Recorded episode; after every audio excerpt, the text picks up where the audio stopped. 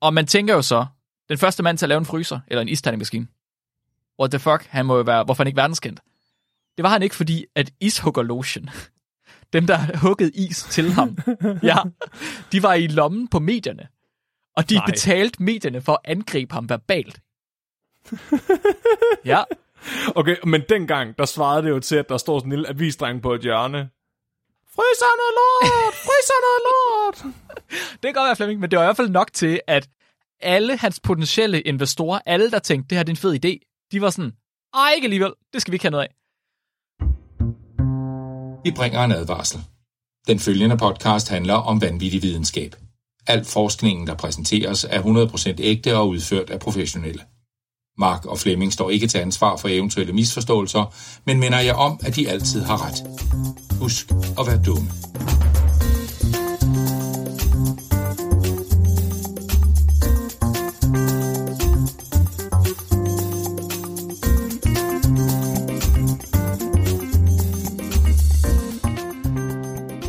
Hej alle sammen, og hjertelig velkommen til Videnskabeligt Udfordret. Jeg er Mr. Freeze, a.k.a. Flemming. Og jeg er cool og ikke særligt fugtig, Mark Lyng. Ikke særlig fugtig. Kun lidt fugtig. Kun Det var lille, rimelig klamt. Det var ret klamt sagt. bogstaveligt talt. Eller også var det ikke klamt sagt. Uh. Hvis man siger til nogen, at man er fugtig, det er lidt ulækkert. Men er det så det omvendte? Hvis man er fugtig, hvis man er lidt fugtig, så er man bogstaveligt talt klam, Flemming. Det er sådan lidt ligesom at gå op til nogen og sige, åh, jeg er godt nok ikke særlig liderlig lige nu. Er det stødende? Er Nej, det det er ulækkert? det det er tror jeg ikke, det er. samme. Det er slet, slet ikke det samme. Mark, hvorfor er du ikke særlig fugtig i dag? Uh, det er fordi, at jeg er så heldig, at jeg har haft airconditioning på.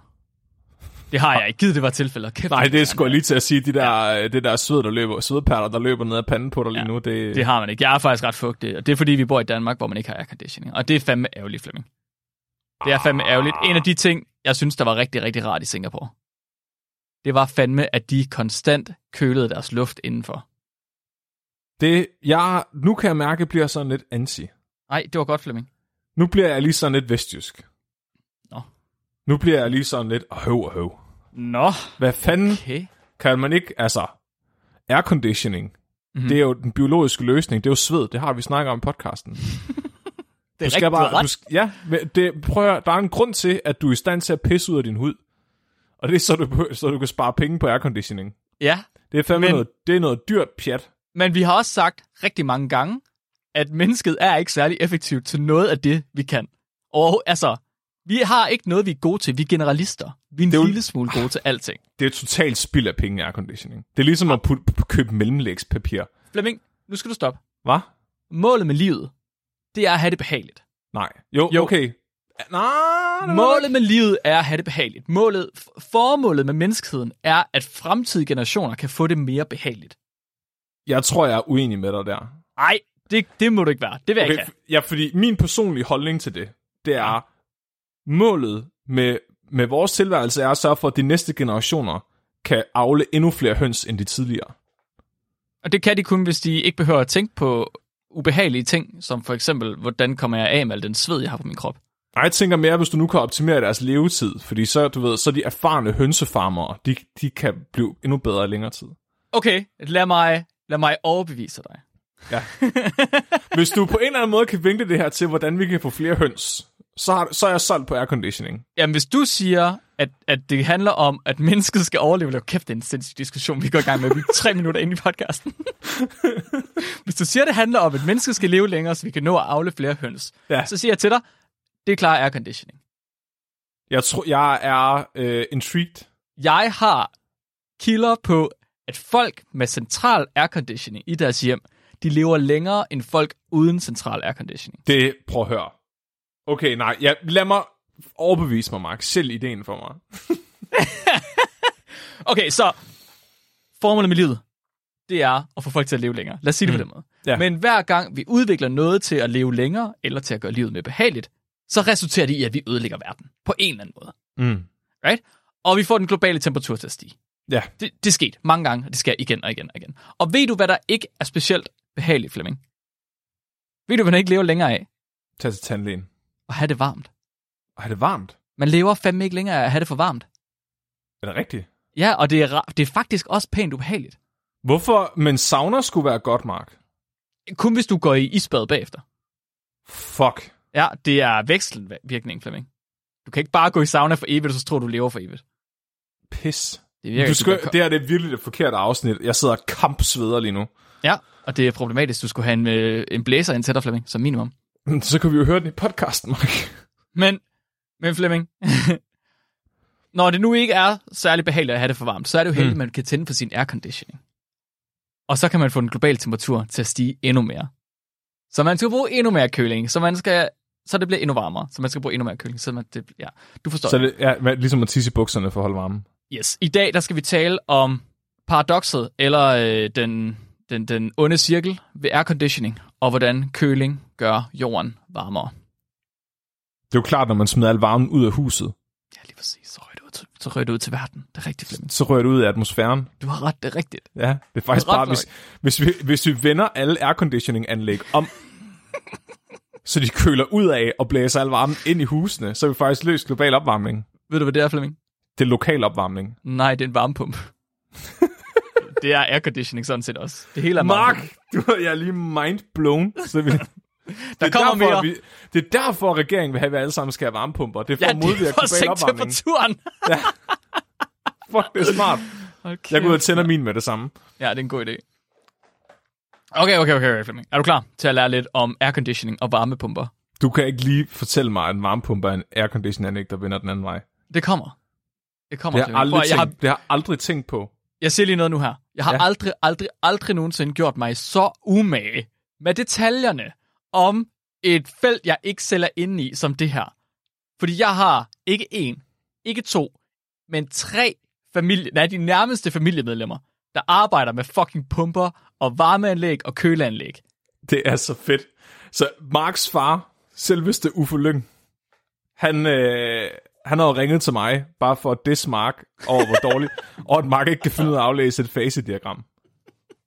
Og jeg ved, Marks storebror, øh, som for hedder Dan, Danmark, haha, men, men han, altså, han, han laver ikke varmepumper. Han laver også nogle fucking masseødelæggelsesvåben. Han, han stiller også nogle, altså, det er ikke en varmepumpe, han sætter op. Det er en fucking bygning, der sådan køler, altså det er sådan noget Mr. Freeze, han er en superskurk. Jeg, jeg ved ikke, hvad der foregår, men jeg er meget bekymret. du er meget bekymret. Ja. Hvem er den tredje? Det er Mikkel, min anden bror. Han øh, er også uddannet maskinmester, og øh, kan også alle de der ting. Er det lige gået op for mig, at du er faktisk født ind i en varmepumpe mafia Jamen, det er jeg. fra Vestjylland? Ja. Så Det det er, vil sige, lige nu der føler du, at du har kniven for struben. ja, Hvis du, hvis det er du kommer til at sige noget forkert om varmepumper. Så ligger der et dødt hestehoved i min seng. ja, det er rigtigt, Flemming. okay, Jeg Jeg har ikke noget pres, jeg skal bare se, om jeg kan få dig til at fuck op nu. jamen det gør du. Det er der ingen tvivl om. Jeg fucker så meget op. Flemming, der har altid eksisteret varme steder på jorden. Det er ikke en ny ting. Det har altid været der. Og der har også altid levet mennesker, de har varme steder. Og de mennesker, de har altid haft en form for trang til at køle sig selv. Der findes mennesker ude i verden, Flemming, der ikke er ligesom dig. Der ikke bare nyder at svede og hælde saltvand ud af sine porer. De fleste mennesker ser faktisk det som en rimelig ubehagelig ting. Er det rigtigt? Ja, det sgu, det er da sgu god nok. Nå, Ja, det er ikke noget, man gerne vil. det er derfor, de kigger sådan på mig. ja, det er det. Så i, i Kina, der blev håndviften udviklet for 3.000 år siden som en bærbar ventilator. For simpelthen at hjælpe folk med at få løftet lidt koldere luft hen over huden på sig selv. Få fjernet noget af, af varmeenergien fra sveden. Det er simpelthen det mest hippie-agtige, man kan gøre. Men det virkede. Seriøst, når jeg ser folk i Danmark med vifter, altså det, du kunne lige så godt drikke af et patentglas. Sådan får jeg det.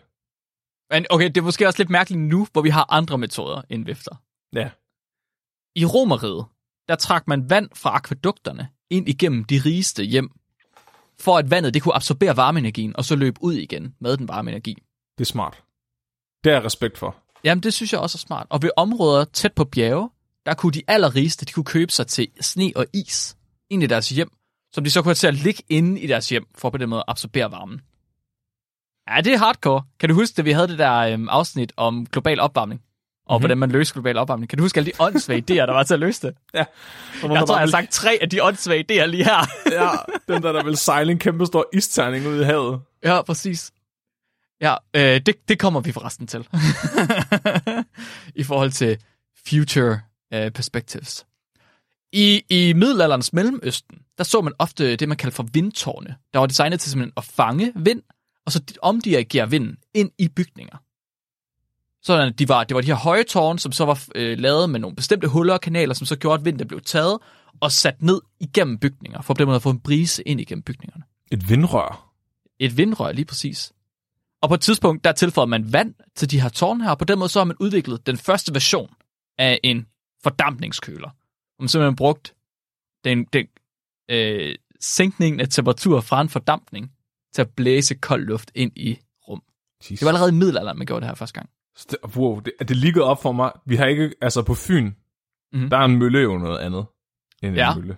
Ikke? Så vi har vindmøller, og det du lige har beskrevet, det er faktisk en vindanus. Ja, de kaldte det et vindtårn, Okay. men jeg kan bedre lide vindanus. Vindanus. Den prutter kold luft. ja, det er, det fandme ret i. smart. Det er også en smart måde at køle sig på, det er bare at stille sig med anus i vejret, og så bare ja. luften øh, passerer igennem en. Og der er ingen tvivl om, at nogle af de her metoder her, de skal nok have fungeret, i hvert fald til en vis grad. Men der er tvivl om, hvor effektive de egentlig har været. Så efterhånden, som man kom videre op i verden, man begyndte at leve i de tropiske og subtropiske områder, så blev der også mere og mere behov for aktiv køling. Men noget, der ligesom kunne sænke temperaturen inde i et rum, for at man kunne have det bedre. Man kunne også gå udenfor. Men nej, ikke i subtropiske områder, Flemming. Der er det faktisk varmere udenfor derinde Det forstår jeg ikke. eller i tropiske områder. Du, det er fordi, du er biased af at leve i Danmark, og aldrig nogensinde at være væk fra Tåsinge. Kan det ikke bare åbne vinduet? Nej, Flemming, det er sådan, det fungerer. Men Det har faktisk lige præcis ikke sådan, det fungerer. Det er Jeg har faktisk fakt- ofte køligere indenfor der udenfor. Vi har lige snakket om det, inden vi gik i gang med optag. Jeg har faktisk ude at rejse for 10 år siden. Hvor er du henne? Jeg var i Ægypten.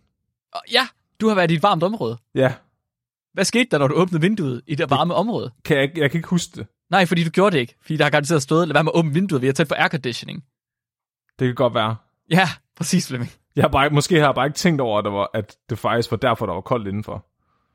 Ja, jeg kan fortælle dig, i, i Singapore, der var det ikke særlig sjovt, når man åbnede vinduet. Det lå man bare være med. Det var både varmt, og så lugtede det tis. Nå, Og så, så det, det skulle man ikke nyde noget af. Det var rigtig ubehageligt. Hmm.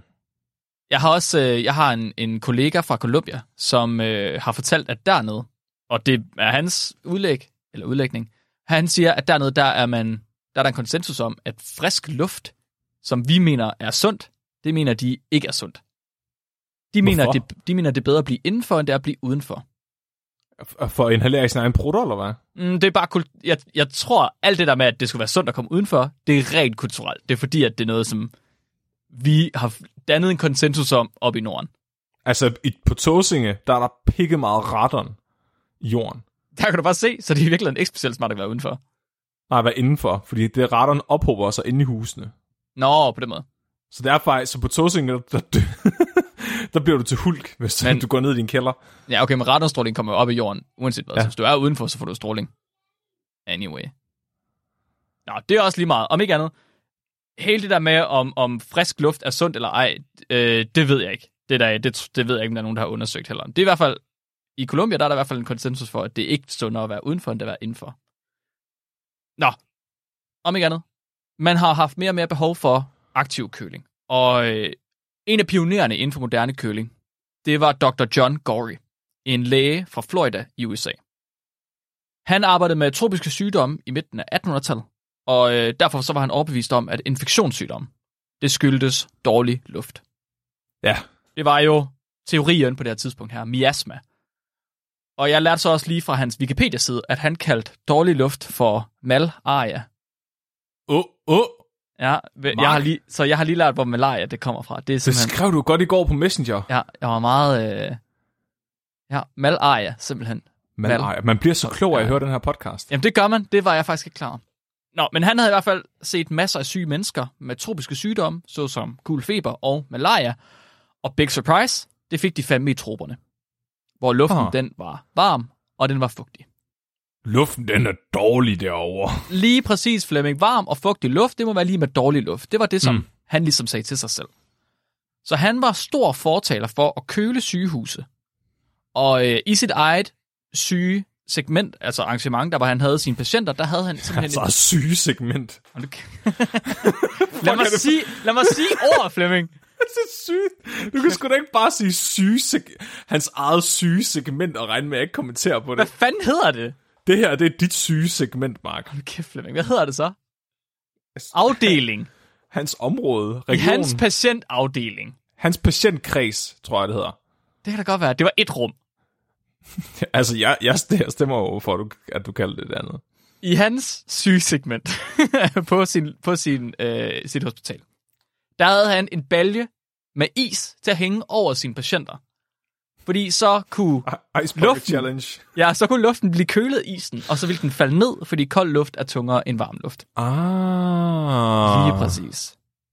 Men Dr. John Gorey, han fik sin is hentet fra bjergene, og fik den transporteret med båd.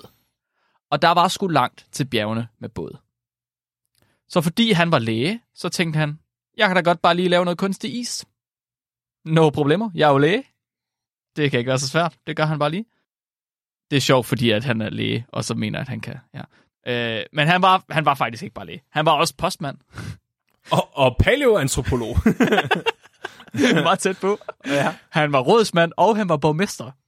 var han, også, po- han var læge og postmand. Ja, men postmand var meget højt rang i USA på det her tidspunkt her. Det var, Det var sådan, fordi, der kun kom et brev til byen om Ja, året. det er uden pist. Han var, altså du ved, dem der ligesom styrede postvæsenet i USA, det var sådan, altså på højde med præsidenten-agtigt. Han var også rådsmand og borgmester, og hans bekymring omkring varm og fugtig luft, Han, borgmester og han var også borgmester. borgmester. Du er nødt til at høre ja. efter, når jeg siger det første gang. Jeg er så forvirret. Han- Ja, han har været alle de her ting, Flemming. Han var en god mand. Hans bekymring omkring varm og fugtig luft, den lå ikke kun ved tropiske sygdomme, men også i, at han havde en teori om, at mennesket fungerede ringere under meget varme forhold. At vores mentale og fysiske kapaciteter ikke var optimale. Det lyder en lille bitte, smu- altså en lille bitte, bitte smule racistisk. Åh, oh, okay, sådan har jeg faktisk slet ikke tænkt på det. Jeg, jeg tror måske, han mente amerikanere, som han havde set i øh, de subtropiske områder af USA. Okay. Ej, men jeg er ikke helt sikker. Det kan godt være, at han har været en lille smule racistisk. Det, kan jeg, det skal jeg ikke Vi har en gang på podcasten snakket om, et eller andet, de gamle grækere havde en teori om, at øh, i de varme lande, der blev man doven, fordi man kunne ikke arbejde i varmen. Og i Norden, der var det så koldt, man var nødt til at kæmpe for at overleve. Og det var derfor Grækenland var det bedste sted, fordi der var, så, der var temperaturen tilpas, og så var der rum til, at man kunne tænke alle de store tanker. Det kan jeg faktisk overhovedet ikke huske. Det var derfor, det var, det var derfor de mente, at filosofi og demokrati og sådan noget kom fra Grækenland. Altså Okay. ifølge dem selv. Det var fordi ja. ja. deres temperatur var korrekt. der har faktisk været rimelig mange forskellige teorier om, hvilken temperatur der skal være, for at den er korrekt. Og om, hvad det gør ved menneskets helbred, både fysisk og mentalt.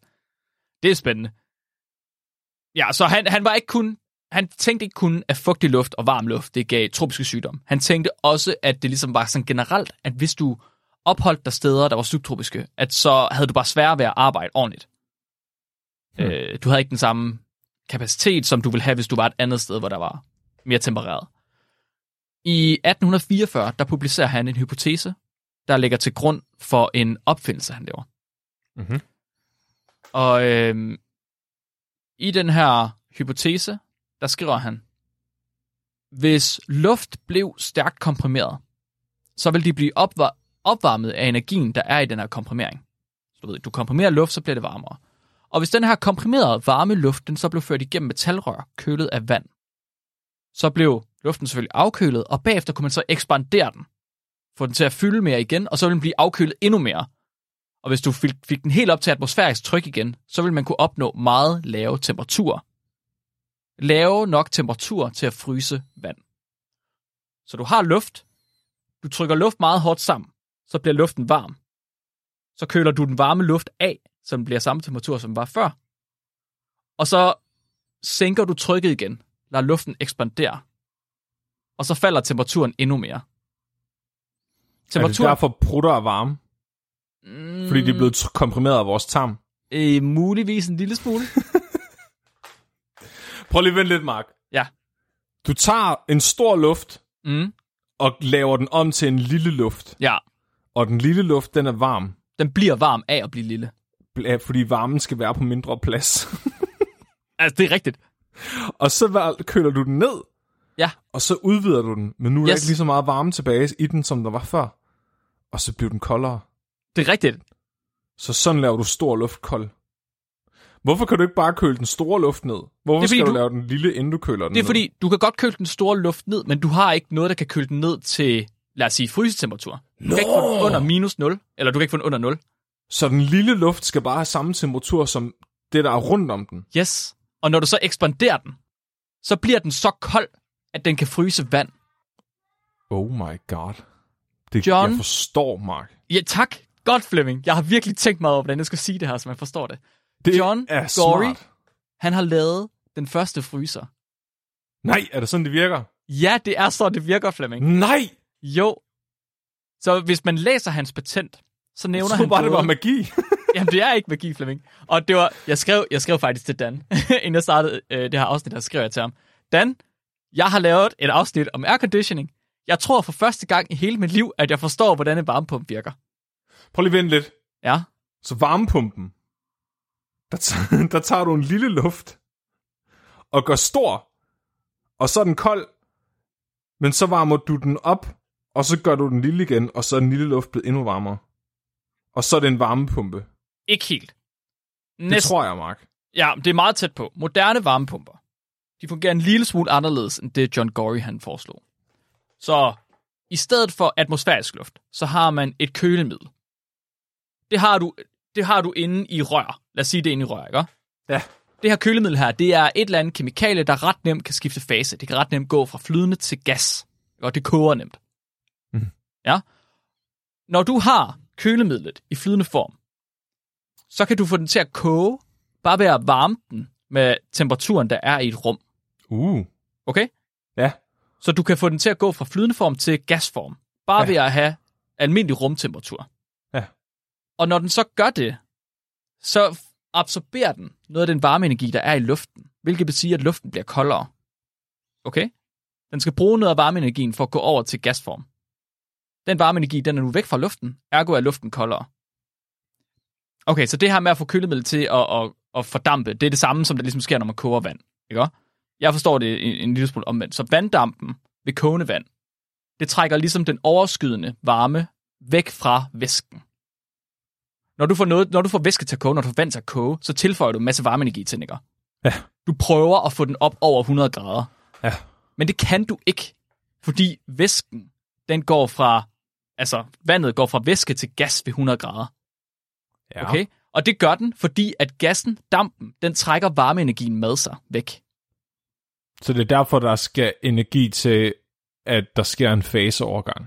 Ja. Fra en fase til en anden. Yes, lige præcis, Flemming. Okay, så væsken, den taber den varmeenergi, du smider ind i den, og så bliver den koldere i godsøjen. Den bliver på de der 100 grader, Hmm. men bliver i virkeligheden koldere, fordi at øh, energien går over og bliver til damp i stedet for, eller går over i dampen, hedder det. Så i varmepumpen, der trækker det fordampede kølemiddel. Det trækker varmen fra rumtemperaturen masser, og så er luften blevet koldere. Og herefter, så rammer det fordampede kølemiddel så en kompressor. Du ved, hvad en kompressor er, Flemming. Det er sådan en, der blæser med luft. Ja, det havde jeg faktisk ikke tænkt over, hvorfor den, hvorfor den gør det. Det er ikke helt det, som er tanken med kompressor. Det er sådan en, der trykker på luft. Yes, det er sådan en, der trykker på luft. Lige Den præcis. komprimerer. Ja, den trykker kølemidlet sammen, trykker den her gas fra kølemidlet sammen, og så stiger temperaturen helt vildt højt. Nu bliver den superheated. Mhm. Så det er det samme, der sker, når man pumper sin cykel. Hvis man, prø- hvis man har prøvet at gøre det, så kan man mærke, at pumpen det bliver varm. Det er fordi gassen den trykker sig sammen, og så stiger temperaturen. Så, okay. Så bliver den til plasma. Den er stadig bare gas på det tidspunkt. Okay. Okay, den komprimerede luft, den stiger i temperatur. Den komprimerede kølemiddel stiger i temperatur. Så den her store varmeenergi, der er i det komprimerede kølemiddel, den kan man så blæse væk af en ventilator. Vi har gjort det samme, som John Gory han beskrev. Vi har taget kølemiddel, så har vi fået det til at fordampe, bare ved at varme det op med, med rummets temperatur. Så har vi presset det virkelig, virkelig hårdt sammen, så det bliver psyko, psyko varmt. Mm. Og så køler vi det ned til samme temperatur, som der er uden for vores hjem. Mm. Right? Så du blæser bare lortet ud uden for dit hjem. så falder det ned i temperatur. Og så kan du faktisk få det til at kondensere tilbage igen til en væske. Så du blæser varmen væk fra den varme væske, Yes. og den varme, du blæser væk, er jo så i teorien varme, du har hævet ud Ja, af der, hvor airconditioneren ligger så. jeps, lige præcis. Så den varme, den rører ud af dit hjem. Okay. Hvis man så herefter sænker trykket på kølemidlet, så kondenserer den tilbage og er nu blevet psykokold. Den er blevet til en væske igen. Uh. Og så kan du starte hele processen en gang til. Det er det, der sker. Det er et kølemiddel, der går i en ring, i en cyklus. Den er Jeg har væske. faktisk lært noget i dag. Jeg har, prøv at, jeg siger det samme. Jeg har også lært noget. Jeg har, hvad, hvad er det for en podcast, vi laver, Mark? Flemming, nu ved du, hvordan dit varmepumpe den virker. Ja, Er det jeg ikke forstår sindssygt? noget nyt. og, jeg, og jeg ved, hvad malaria betyder. Ja, du ved, hvad malaria betyder. Ja, I skal fuck... I, prøv at høre, folk der hører podcasten lige nu, I bliver så fucking klogere af det her afsnit, og jeg siger bare, hvis I går ud nu og blærer jer med, åh, nu skal I lige vide, hvordan en varmepumpe virker, eller, åh, ved, vidste du godt, malaria betyder dårlig luft, så fortæller jeg bare lige, husk situationen. Ja, reference, tak. Husk at referere til videnskabeligt udfordret. Og hvis Uffe Lyng, han ringer og siger, at jeg har glemt en eller anden ventil et eller andet sted, så er det bare fordi, at det er meget simpelt. Oh, han, ringer, sgu- han ringer kraftet med lige nu. Nej, det gør han ikke. Der var du blev lidt bange der. Ja, det gør Han står lige bag dig, Mark. Ja. så det er, faktisk, det er faktisk ret interessant, fordi det her med, øh, noget af det, der er mindst intuitivt for mig her, det er det der med, at når du fordamper noget, så bliver det koldere. Det er svært for mig at forstå. Når du, fordamp, når du får vand op at koge, så bliver vandet i virkeligheden koldere, fordi dampen forsvinder. Et praktisk eksempel, hvor alle har prøvet det her, det er, når man har vasket sine hænder på et offentligt toilet, og så brugt en af de der øh, håndtørrer, fyndtørrer. Det må man ikke. Flemming, alle har gjort det alligevel. Nej, jeg gør ikke. Men ved du, hvad den gør? Den blæser varm luft ud. Var du godt klar, at den blæser varm luft ud? Nej. Nej, fordi det føles koldt. Men ved du, hvorfor det føles koldt? Det Mark! Det er fordi, at vandet på dine hænder, det fordamper. Og så trækker dampen, vanddampen, som forlader dine hænder, den trækker varmeenergien masser, så det føles koldt, selvom luften er varm. Det er først, Det, når dine der, hænder er... det er, det er derfor, når, jeg insisterer på at tørre mine våde hænder af mit skridt Ja, så er de bukser, altid i varme. stedet for, ja. Men det er, først, det er først, når alt vandet er fordampet fra dine hænder, at du kan mærke varmen fra den her varme luft, der er fra fyndtøren. Jeg, jeg, jeg eksploderer din hjerne nu, Flemming. Hold kæft, hvor lærer du bare mange ting. Det er vanvittigt. Kan du mærke Jeg det? sveder alt for meget til at absorbere den her viden. Er det ikke sindssygt? Min, jeg, det er simpelthen... Min hjerne ekspanderer så meget, at den bliver koldere nu. Så John Gorey, han laver den første øh, prototyp på det her. Han laver det med almindelig luft i stedet for. Og han demonstrerer, at hans maskine den virker. Han kan lave is med det her. Så han ved, at han bare skal tilføje en lille smule vand hele tiden til sin maskine, til derinde, hvor temperaturen ligesom falder. Og så kan han lave is kontinuert. Ved at trække i det. Tryk Ved at på trække, det. ja, ved at trykke, han trykker på luften. Ja, alle de der ting, vi lige snakker om. At Han derfor får- isterninger er firkantet. Nej, det er det ikke. Det er fordi, de kommer ud af den der øh, kompressor, der trykker det hele sammen. Den der wombat. Ja. Nej, for det er ikke kompressoren, der laver isen. Det er kompressoren, der laver kold luft, som er kold nok til at kunne køle vandet ned, så det fryser til is. Nu forstår jeg ikke noget længere. Nej, undskyld. Det er også det er heller ikke nemt. Okay, men han får også et patent på sin ismaskine. Og man tænker jo så, den første mand til at lave en fryser, eller en istandingmaskine. What the fuck? Han må jo være, hvorfor han ikke verdenskendt? Det var han ikke, fordi at ishugger lotion, dem der huggede is til ham, ja, de var i lommen på medierne. Og de. Nej. betalte medierne for at angribe ham verbalt. ja, Okay, men dengang, der svarede det jo til, at der står sådan en lille avisdreng på et hjørne. Står og siger, fryser noget lort, fryser noget lort. Det kan godt være, Flemming, men det var i hvert fald nok til, at alle hans potentielle investorer, alle der tænkte, det her det er en fed idé, de var sådan, ej, ikke alligevel, det skal vi ikke have noget af. Øh, så han står tilbage med sin eneste investor, og hans eneste investor dør så tilfældigt og meget tidligt, og det fører så til, at John Gorey, han står fuldstændig uden penge. Ja. Så må han bare nøjes med at være lægeborgmester og postbud. Desværre. Øh, han, stå, han gav faktisk sit, øh, sin medicinske licens op for at forfølge den her drøm her. Ja, det var lidt surt. isterninger. For det var isterninger, ja. Øhm, ja, Mr. Freeze. det er lidt surt. Jeg fik sagt, at han var den første til at have udviklet en fryser. Det er ikke helt rigtigt. Der er andre, der har udviklet fryser før det her, der kunne lave is. Man har faktisk set det helt tilbage i Iran, i middelalderen, at der kunne man bruge en bestemt noget, øh, strålekøling, hedder det, til simpelthen at sænke temperaturen inde i hytter nok til, at man kan lave is. Selv i ørkenen. Er han sådan en... religiøs figur i din fars hjem?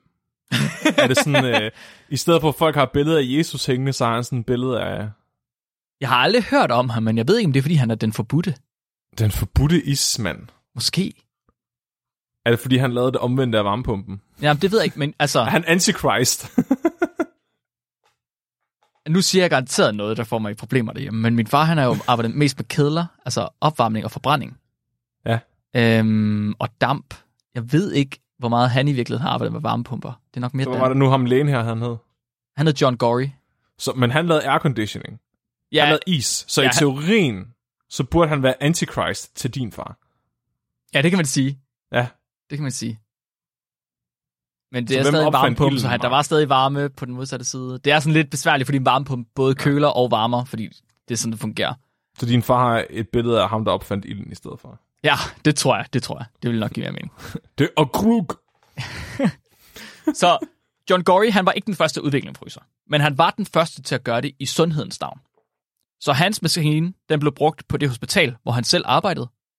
Og da man kunne se, at folk de faktisk fik det bedre af et bedre indeklima. Hans is, der hængt over patienterne og kølede luften, den gjorde faktisk, at folk de fik det bedre inde på det her hospital. Hmm. Så gjorde det andre opmærksom på, at menneskets velbefindende måske var noget, man burde tage sig af på et tidspunkt. Men ikke nu, Flemming. Ikke nu. Det var ikke menneskets velbefindende, der var målet for Det var næste hønsnes. gennembrud. Det var hønsnes. Næsten. Ja. 50 år efter John Gorys opfindelse af fryseren, der stod en trykpresse og var i problemer. Sackett og Willems Lithography and Printing Company i Brooklyn i New York, de skulle trykke nogle aviser. De havde simpelthen trykt så meget anti-isterning-propaganda, at deres trykker var gået i stykker. Deres trykke, den virkede ikke længere. De stod, de stod, og så var det sommer, og der var ingen isterninger. Hvad Nej. fanden gør man så? Ja. Øh, fordi de havde et problem, fordi i sommervarmen, selv i New York, som ligger ret nordligt, der var der så varmt, og der var så fugtigt, at siderne i deres presse, de krøllede, og blækken den løb af papiret. Nej. Jo, de kunne simpelthen ikke trykke deres, deres avis, fordi det var for varmt. Så pressen, de er sådan lidt, hvad fanden gør vi? De går til et ingeniørfirma, og heldigvis for dem, så ved det her ingeniørfirma, der står en ung mand ved navn Willis Carrier. Han var lige blevet færdig med sin kandidat. Her var han ansat. Og Willis Carrier, han var en vaskeægte savant. Han var så opslugt af sin interesse for ventilation og køling, at han knap nok kunne finde ud af at, re- at reservere et bord på en restaurant. Der er en historie om, at han har, han har Han kommet til... lyng til efternavnet. Nej, næsten. Men jeg ved ikke, om der er noget, øh, noget genetisk der.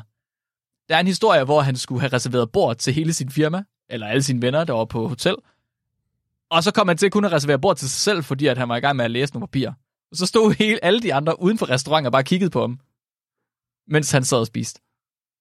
Han havde ikke opdaget, at de stod udenfor, fordi Nej, Nej, han var han- stadig i gang med at læse de der papirer. Han var meget opslugt af sine tegninger, ja. Ja. Så øh, den her trykpresse er, at de går til Willis Carrier. Willis Carrier, han sætter sig ned. Han designer et kompliceret system af ventilatorer, kanaler, varmepumper, damprør, hele muligheden, der alt sammen skulle installeres i hele fabrikken som et centralt system, der ligesom virkede ud i hele fabrikken. Ikke bare en kasse, vel? Men et helt system til hele bygningen. Central aircondition. Wow. Og det her system, det skulle ikke bare kontrollere temperatur, det skulle også kontrollere luftfugtighed. Så i 1902, der blev hans design implementeret, og det var en kæmpe succes. Avisen kunne trykke aviser igen. Og hvor avisen så kunne trykke nyheden om, at avisen virkede igen. Ja, præcis. Ekstra, ekstra. Vi sender igen. Ja. Så den her, det her design, det markerede det næste gennembrud inden for airconditioning. Fordi den tilføjede kontrol af luftfugtighed, som er en ultra vigtig parameter.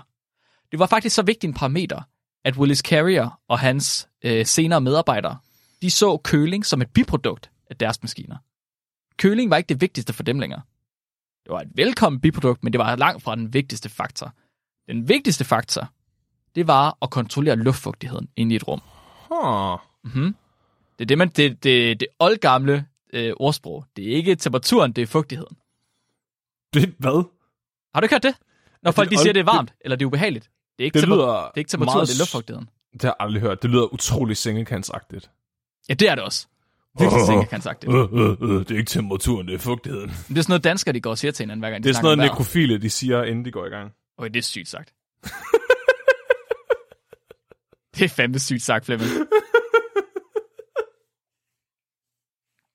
Fucking crazy person. Willis Carrier, han var stærkt overbevist om, at det var luftfugtigheden, der var den vigtigste faktor for menneskelig velbefindenhed. Og han beviste, meget i godsøjne, sin påstand, fordi han gik head-to-head med en praktiker, der var en modsatte holdning. Han mente, at temperaturen var vigtigere for menneskets velbefindende end fugtighed. Willis Carrier og hans øh, modpart, hans modstander, Hill, de øh, meldte sig som forsøgspersoner til et eksperiment. De stillede sig selv op, og så øh, den ene, han skulle tage det tørre parti, og den anden, han skulle tage det våde parti. Ja. så de lavede et eksperiment, hvor... ja. Hvor Wet Bulb Hill, som mente, at mennesket godt må være vådt, han fik hældt en spand vand over sig, Det var Svend Sved. det var Svend Sved. Mens Dry Bulb Willis, han stod tør ved siden af ham og grinede. Fordi der gik ikke specielt lang tid før, end at Wet Bulb Hill, der mente, at temperatur var vigtigere end fugtighed, han opgav sin teori, fordi han stod og rystede. Det var pissekoldt. Det var pisseubehageligt at stå der og være våd. Ja. Mens Willis Carrier, han stod helt tør ved siden af og havde det ganske fint. Det var fandme dengang, man fik ordnet sådan noget som, som, det var det. som mænd. Præcis. Ja. To det. modsigende hypoteser, så tester ja. vi det bare. Kom ja. her, Karsten. I dag, der havde der været lavet, altså, så havde han fået sin egen Netflix-dokumentar i fem afsnit, det er ikke engang hvor han løgn. bare snakker om, hvordan det, at fugtighed er ligegyldigt. Ja, det var du ret i. Ja. Og så havde de kunne stå og gø af hinanden som to hunde på hver sin side af et hegn. Ja. Kæft, men du har ret, Flemming. Det var ikke det her. Det her, det var head to head. Vi skal bare tage Flat Earth og så prøve at smide dem over kanten af jorden. Ja, præcis. Det er en god idé. Bevis det for helvede. Ja. Så Carrier, han opdagede, at han kunne kontrollere luftfugtigheden ved at kontrollere temperaturen. Luftfugtigheden i et rum, den er givet ved forskellen mellem temperaturen i et rum, og så dugpunktet ved det tryk, man har. Og dugpunktet, det er den temperatur, hvor luften indeholder 100% vand. Giver det mening? Ja. Ja. Relativ luftfugtighed har været sådan lidt et svært begreb for mig i lang tid. Fordi øh, man går og siger, åh, nu er det 70% luftfugtighed og sådan noget. Det, man egentlig mener med det, det er 70% luftfugtighed ved den givende temperatur, man har. Fordi luft kan indeholde en vis mængde vand, alt efter hvor varm luften er. Des varmere den er, des mere plads er der til vand, før den bliver mættet og før det begynder at regne. Der var meget lang tid, hvor jeg troede, at en luftfugtighed på 100% betød, at man står i vand. Ja, det gør det ikke helt. Luften er 100% vand, hvad sker der? Men altså, så dugpunktet er defineret som om, at luftfugtigheden er 100%. Og når du har dugpunktet, så betyder det, at vandet det fortætter. Men det betyder ikke, at du står i vand. Det betyder i stedet for, at hvis du har tåge, tåge er en luftfugtighed på 100%. Hvis du har en overflade, så vil det lægge sig som dug. Du kan også have en sky, og hvis du står i et meget, meget koldt område, du kan stadig have en luftfugtighed på 100% i et meget koldt område. Men så fryser vandet med det samme. Ja. Ja, så når så det er 100%, så betyder det, at der er, der er lige præcis så meget vand, som der kan lade sig gøre at være i den her luft. Yes, lige præcis. Uden det ligger sig på jorden som vand. Yes. Du kan godt få en overmætning af vand i luft, og simpelthen komme over den her relative luftfugtighed. Men så vil vandet forsøge at fortætte. Det er ligesom når man er på det superkritiske frysepunkt. Har du set det, hvor du har en cola, som du sætter i fryseren? Så fryser den ikke, men når du så banker den, så tilføjer du noget energi, så den fryser med det samme. Mm, ja. Det er basically det samme. Bare en anden parameter. Så derfor det dukker om natten. Ja, det er derfor, du går om natten, det er fordi luftfugtigheden den stiger så meget. Er det, Nå, jeg troede, det var fordi, at luften blev koldere, og så kunne der ikke være lige så meget vand i luften. Ja, men det er faktisk det samme, fordi den relative luftfugtighed, den er givet af temperaturen. Så hvis du har en liter vand Ja. ved 20 grader, som er fordelt i luften, Ja. så har du en vis luftfugtighed. Men hvis du så sænker temperaturen, så kan der være mindre vand i luften. Det vil sige, at din luftfugtighed bliver faktisk højere. Ja, men der er ikke mere vand i, jo. Der er ikke mere vand i den Det er samme stadig en mængde liter vand. Ja, stadig en liter vand. Halvdelen af den ligger bare på din bil. Lige præcis. Lige præcis for mig. Ja, og luftfugtigheden behøver ikke være 100, før det er, det fortætter. Det er bare, hvis der er øh, 100% luftfugtighed, så fortætter det i hvert fald. Men det er ligesom med damp, damppunktet. Ting fordamper også, før det når deres kogepunkt. Hmm. Okay? Jeg håber, jeg har forstået det her rigtigt, far. Det håber jeg også for dig. Så luftfugtigheden i et rum, den er givet ved forskellen mellem temperaturen i et rum og så den temperatur, hvor at alt vandet vil fortætte. Det er der, hvor man kan finde luftfugtigheden. Så hvis han kunne holde de to temperaturer konstant, eller hvis han kunne holde temperaturen i rummet konstant, og t- han kunne holde trykket konstant, så vil han sørge for, at luftfugtigheden var konstant faktisk. Det har vi aldrig kunne gøre før i menneskeheden. Før vi har altid enten varmet op eller kølet ned. Og når vi gør det, så ændrer vi også dugpunktet. Og det vil sige, at vi ændrer, hvordan luftfugtigheden er inde i rummet. Så det vil sige, at døde mennesker er vådere, fordi de er koldere. Mm, nej, ikke rigtigt, fordi det er ikke en gas. Hvis, du, hvis du varmede menneske, døde mennesker så højt op, at de blev til en gas, Så vil de være vådere, fordi de... så ville de være vådere, fordi de er meget varme. ja. Men det kan også være, at alt vandet er fordampet på det tidspunkt. Hmm. Ja, så altså, det han fandt ud af, det var, at hvis man kan styre temperaturen i et rum, så kan man også styre luftfugtigheden. Og det virker måske åbenlyst for os nu, men det var ikke åbenlyst på det her tidspunkt, fordi det var basically umuligt at holde temperaturen konstant. Du kunne ikke holde temperaturen konstant inde i et rum, fordi det, det man havde gjort før, det var, at man havde varmet rum op. Og så havde man stoppet med at varme rum op. Ja. Og når man stopper med at varme rum op, så falder temperaturen. Mm. Så du har altid haft en opvarmning eller en nedkøling. Du har aldrig nogensinde kunne holde det på et punkt. Og det, som Willis Carriers aircondition, det som vores moderne aircondition virkelig også gør, det er, at det faktisk også varmer op og køler ned. Men det gør det inden for et meget mindre interval. Plus minus en grad, plus minus en halv grad. Så vi når ikke at mærke forskellen i temperatur eller forskellen i luftfugtighed. Det kan også være, at det er endnu mere præcist end det. Da Willis Carriers aircondition det blev implementeret på den her trykpresse, så hjalp det både på avisens integritet, men det hjalp også på medarbejdernes produktivitet. Og Willis Carrier, han så hurtigt, at der var, der var kasten at tjene på det her. Det, er, det kunne hjælpe ikke bare på at lave aviser, men det kunne hjælpe på alle mennesker, basically, i hele verden. Fordi folk det havde, det, folk havde det bare rarere af at være ved en bestemt temperatur, ved en bestemt luftfugtighed. Så han starter nogle virksomheder selv, og han går i gang med at sælge airconditioning til folket. Desværre for ham, så er hans systemer bare så store og så dyre, at det er kun indkøbscentre og biografer og de aller, aller rigeste, der køber det. Mm. Og så hjælper det slet ikke, da 1. verdenskrig, 2. verdenskrig indtræder, hvor kølemidlet i varmepumperne de bliver til en vigtig krigsressource, eller da Wall Street det krakker i 1929, og folk de mister alle deres penge. Bum. Ja. Så efter 2. verdenskrig, der er der ikke rigtig nogen, der har airconditioning længere. Nogle biografer har det, nogle storcenter har det. De prøver at trække folk ind fra sommervarmen, få dem til at være indenfor, i stedet for ved dem, så de kan købe nogle flere ting. Mm. Pengene, de er små. Den almindelige amerikaner, de nåede aldrig rigtigt at blive introduceret for airconditioning. De vidste ikke, det var muligt her i hjemmet. Og de, så tidligere, der var rige boligbyggere, som ikke kendte til airconditioning. De var ligesom kommet uden af problemet ved at prøve at arkitekttegne sig ud af det. Så du kan lave en masse, øh, du kan designe dig ud af, hvor varmt dit hjem er til en vis grad. Hvis du altid har sol til at gå lige ind af dine kæmpe store vinduer, så opvarmer du bare huset mere, Ja. end hvis du altid er i skygge. Hmm. Du Det kan også de- bare bo inde i en kompressor. Du kunne også bare bo inde i en kompressor. Så de rigeste amerikanere, de brugte rigtig meget arkitekter til at komme ud af det her, før 2. verdenskrig. Men nu Ja. var der lige pludselig ikke nogen penge, ingen arkitekttegninger, og det betyder, at nye hus, de i stedet for at blive masseproduceret, uden mulighed for at tage højde for solens bane, eller for at tage højde for vindretninger. Så i de varmeste områder i USA, der begynder husene at blive meget varme indenfor Sådan nogle svedhytter. svedhytter. Altså, ja. Specielt de nye, billigere huse, de bliver varme, og dem var der mange af i Austin, Texas. Her kom temperaturerne ofte op over 37 grader. Mhm. Vi snakker, at de har altså over 50 dage om året med over 37 grader.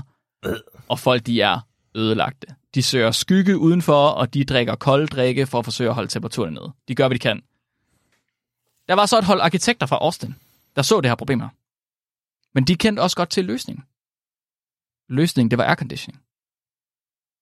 Så de besluttede sig for at lave et eksperiment.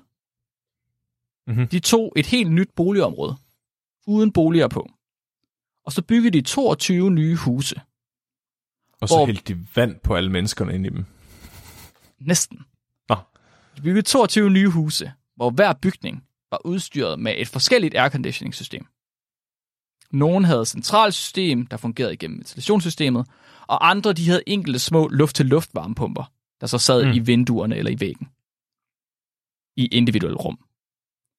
De kaldte det her nye område for The Air Conditioned Village. Og så solgte de boligerne for helt ned til under 1 million danske kroner, justeret for inflation. Så det var 12.000 dollars i 1954 USA. Ja. Men de her indflyttere her, som købte boligerne, de fik bare lov til at passe sig selv. Så i det næste år, der blev de undersøgt af læger, af psykologer, af økonomer, af ingeniører, af arkitekterne selv, der målte på deres helbred, deres psykiske helbred, deres velbefindende og deres produktivitet. Okay. Ja. En artikel beskriver.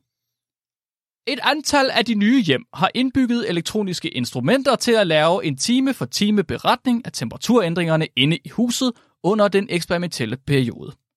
Omhyggelige noter blev også taget omkring airconditionings effekt på materialer og stof.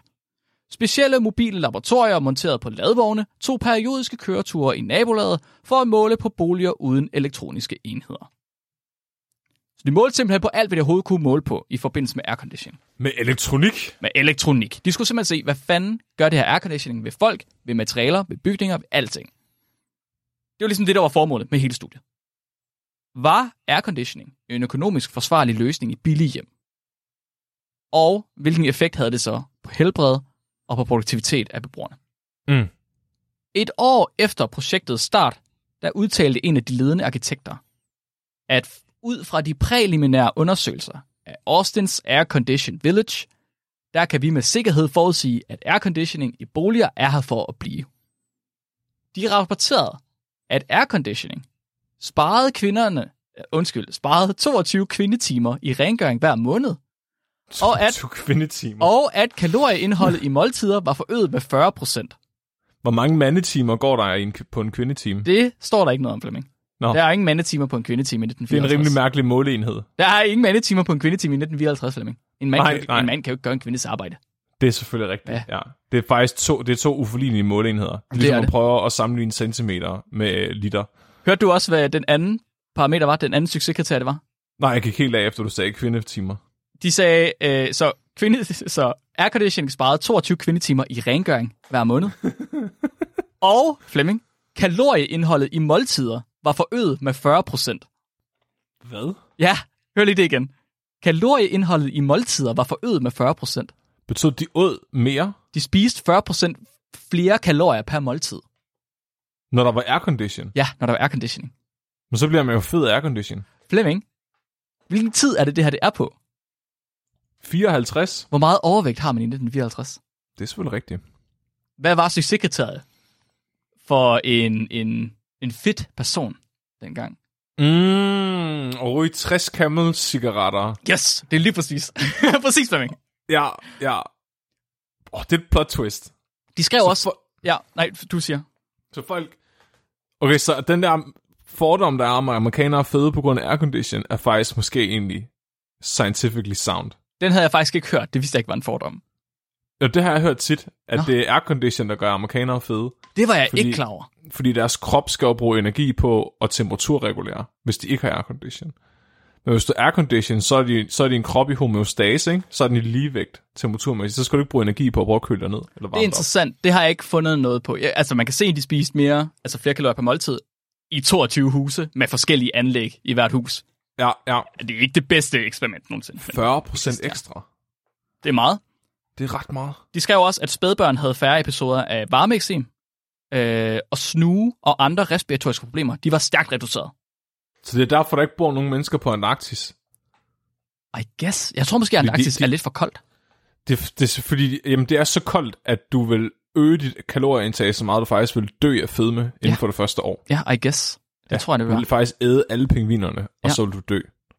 Så Flemming, som artiklen skriver, derved vil både manden og kvinden i huset have grund til at godkende airconditioning i hjemmet. Manden, fordi han får roast beef i stedet for pålæg, og kvinden på grund af den ekstra tid, hun sparer ved ikke at skulle gøre rent og lave mad. Det er 1954-artiklen, når det er bedst, Flemming. Kan vi ikke skrive sådan en? Kan det ikke jeg tror ikke, man må længere. Vi konkluderer, det er fordi, der er mere roast beef på bordet Ja, på grund af var. Ja. Det er syret, mand. Hold kæft, man. Har du sendt den artikel til din far? Nej, det har jeg faktisk ikke. Ej, det bliver du nødt til. Det var garanteret lærebogen for ham. Ja. ja. Øh, man opdagede også, at folk de blev, og nu skal du lige høre her, de blev mere sociale, og de drak sundere drikke. Men skal du høre, hvad det vil sige at være mere social i 1954? Ja. Det er, at man bliver mere indenfor, og man går mindre i biografen, og man går mindre i sin have. Hell yeah. Så og man sundere bliver- at drikke, man bliver- det er dem, med jo højere promille alkohol der er i, jo sundere er de, eller hvad? Fandme tæt på. Det, så sundere drikke, det er kolde drikke, i stedet for kaffe og te. ja, det er ikke fuldstændig ligegyldigt. Hvorfor? Åh, jeg er bare født 60 år for sent. Ja, det er Hvorfor, hvorfor kunne jeg ikke have få lov til at leve i 50'erne? Ja, så, det er havde jeg bare, så, havde jeg været, så havde jeg været et skønhedsidol. Jeg havde Ja. bare været indbegrebet af sundhed. Så alt i alt, Flemming, så var det her jo en stor succes. Austins Air Conditioned Village, det var startskuddet for moderne AC. Det her, det er en af de største grunde til, at airconditioning er så udbredt i amerikanske hjem, som det er. Fordi der er flere kvindetimer, Jeps. man får, 40, man får mere roast beef, Yes. og øh, man bliver mere indenfor i sit hus. Altså, det er uden pis. Efter det her studie, tre år efter, der steg salget af airconditioning-anlæg fra 10.000 om året til 1 million om året. Er det sådan en øh, konspirationsting, lidt ligesom øh, vacciner og autisme? Altså, jeg er ikke sikker. Jeg ved det ikke. Måske. Hvem har sponsoreret det der studie? Det har arkitekterne, der byggede lortet. Arkitekterne, der skulle sælge airconditioning-anlæg. Fuck, åh oh, gud. Ja, Åh. Oh. Mark, du har, lige, du har lige opdaget en fucking aircondition konspiration. De skriver faktisk specifikt, at øh, energiforbruget er jo negligerbart i sådan en airconditioning-anlæg. De skriver også, at øh, de penge, man bruger på det, er også ligegyldige. De, man, de fik det årlige øh, omkostning til at være omkring 100 dollars på det tidspunkt, og det er cirka 7800 kroner nu på nuværende tidspunkt. Mhm. Mm-hmm. Men det var også både køle- og varmeanlæg. Så Ja. ja. 7800 kroner for et, et mellemstort, lille til mellemstort hus, det er sådan okay. Det er nogenlunde. I Det nutidens kroner selvfølgelig. det er billigt. Det er billigt. Ah, du bor også i en landejendom, Flemming. Nej, selvfølgelig. Der, der er det dyrere. Det er heller ikke Nå. USA. Om ikke andet, airconditioning er jo ikke noget, vi har specielt meget i Danmark. Det har vi jo sagt, ikke? Fordi vi er et ret koldt land. Når vi har det varmt, så har vi 22 grader. Og de, de fleste andre lande, de vil kigge på os og sige, hvad fuck? Altså, I er jo, I er jo en Arktis. Gå rundt med t-shirt lige snart det er 14 grader. Ja, ja, præcis. Men efterhånden, som mange uden fjernvarme, de får installeret varmepumper, så bliver køling også mere og mere en ting. Der er mange, der har øh, passiv køling i deres varmepumpeanlæg, hvor når det er for varmt udenfor, så stopper anlægget med at varme op, og så absorberer det vandet i din radiator eller din øh, gulvvarme, absorberer simpelthen varmen i stedet for, så udleder den. Mm. Fuldstændig ligesom airconditioning ville gøre i virkeligheden. Bare uden at blæse. Så det kalder man passiv. Det var det samme, som romerne gjorde med deres akvedukter og vandet, der løb igennem deres, øh, deres hjem. I virkeligheden. Så airconditioning er brugt me- meget mere i tropiske og subtropiske områder. Klart nok. Så da jeg var i Singapore, der havde man ligesom airconditioning i hvert eneste lukket bygning. Hvis du havde fire vægge, et tag og vinduer, så var der airconditioning. Bum.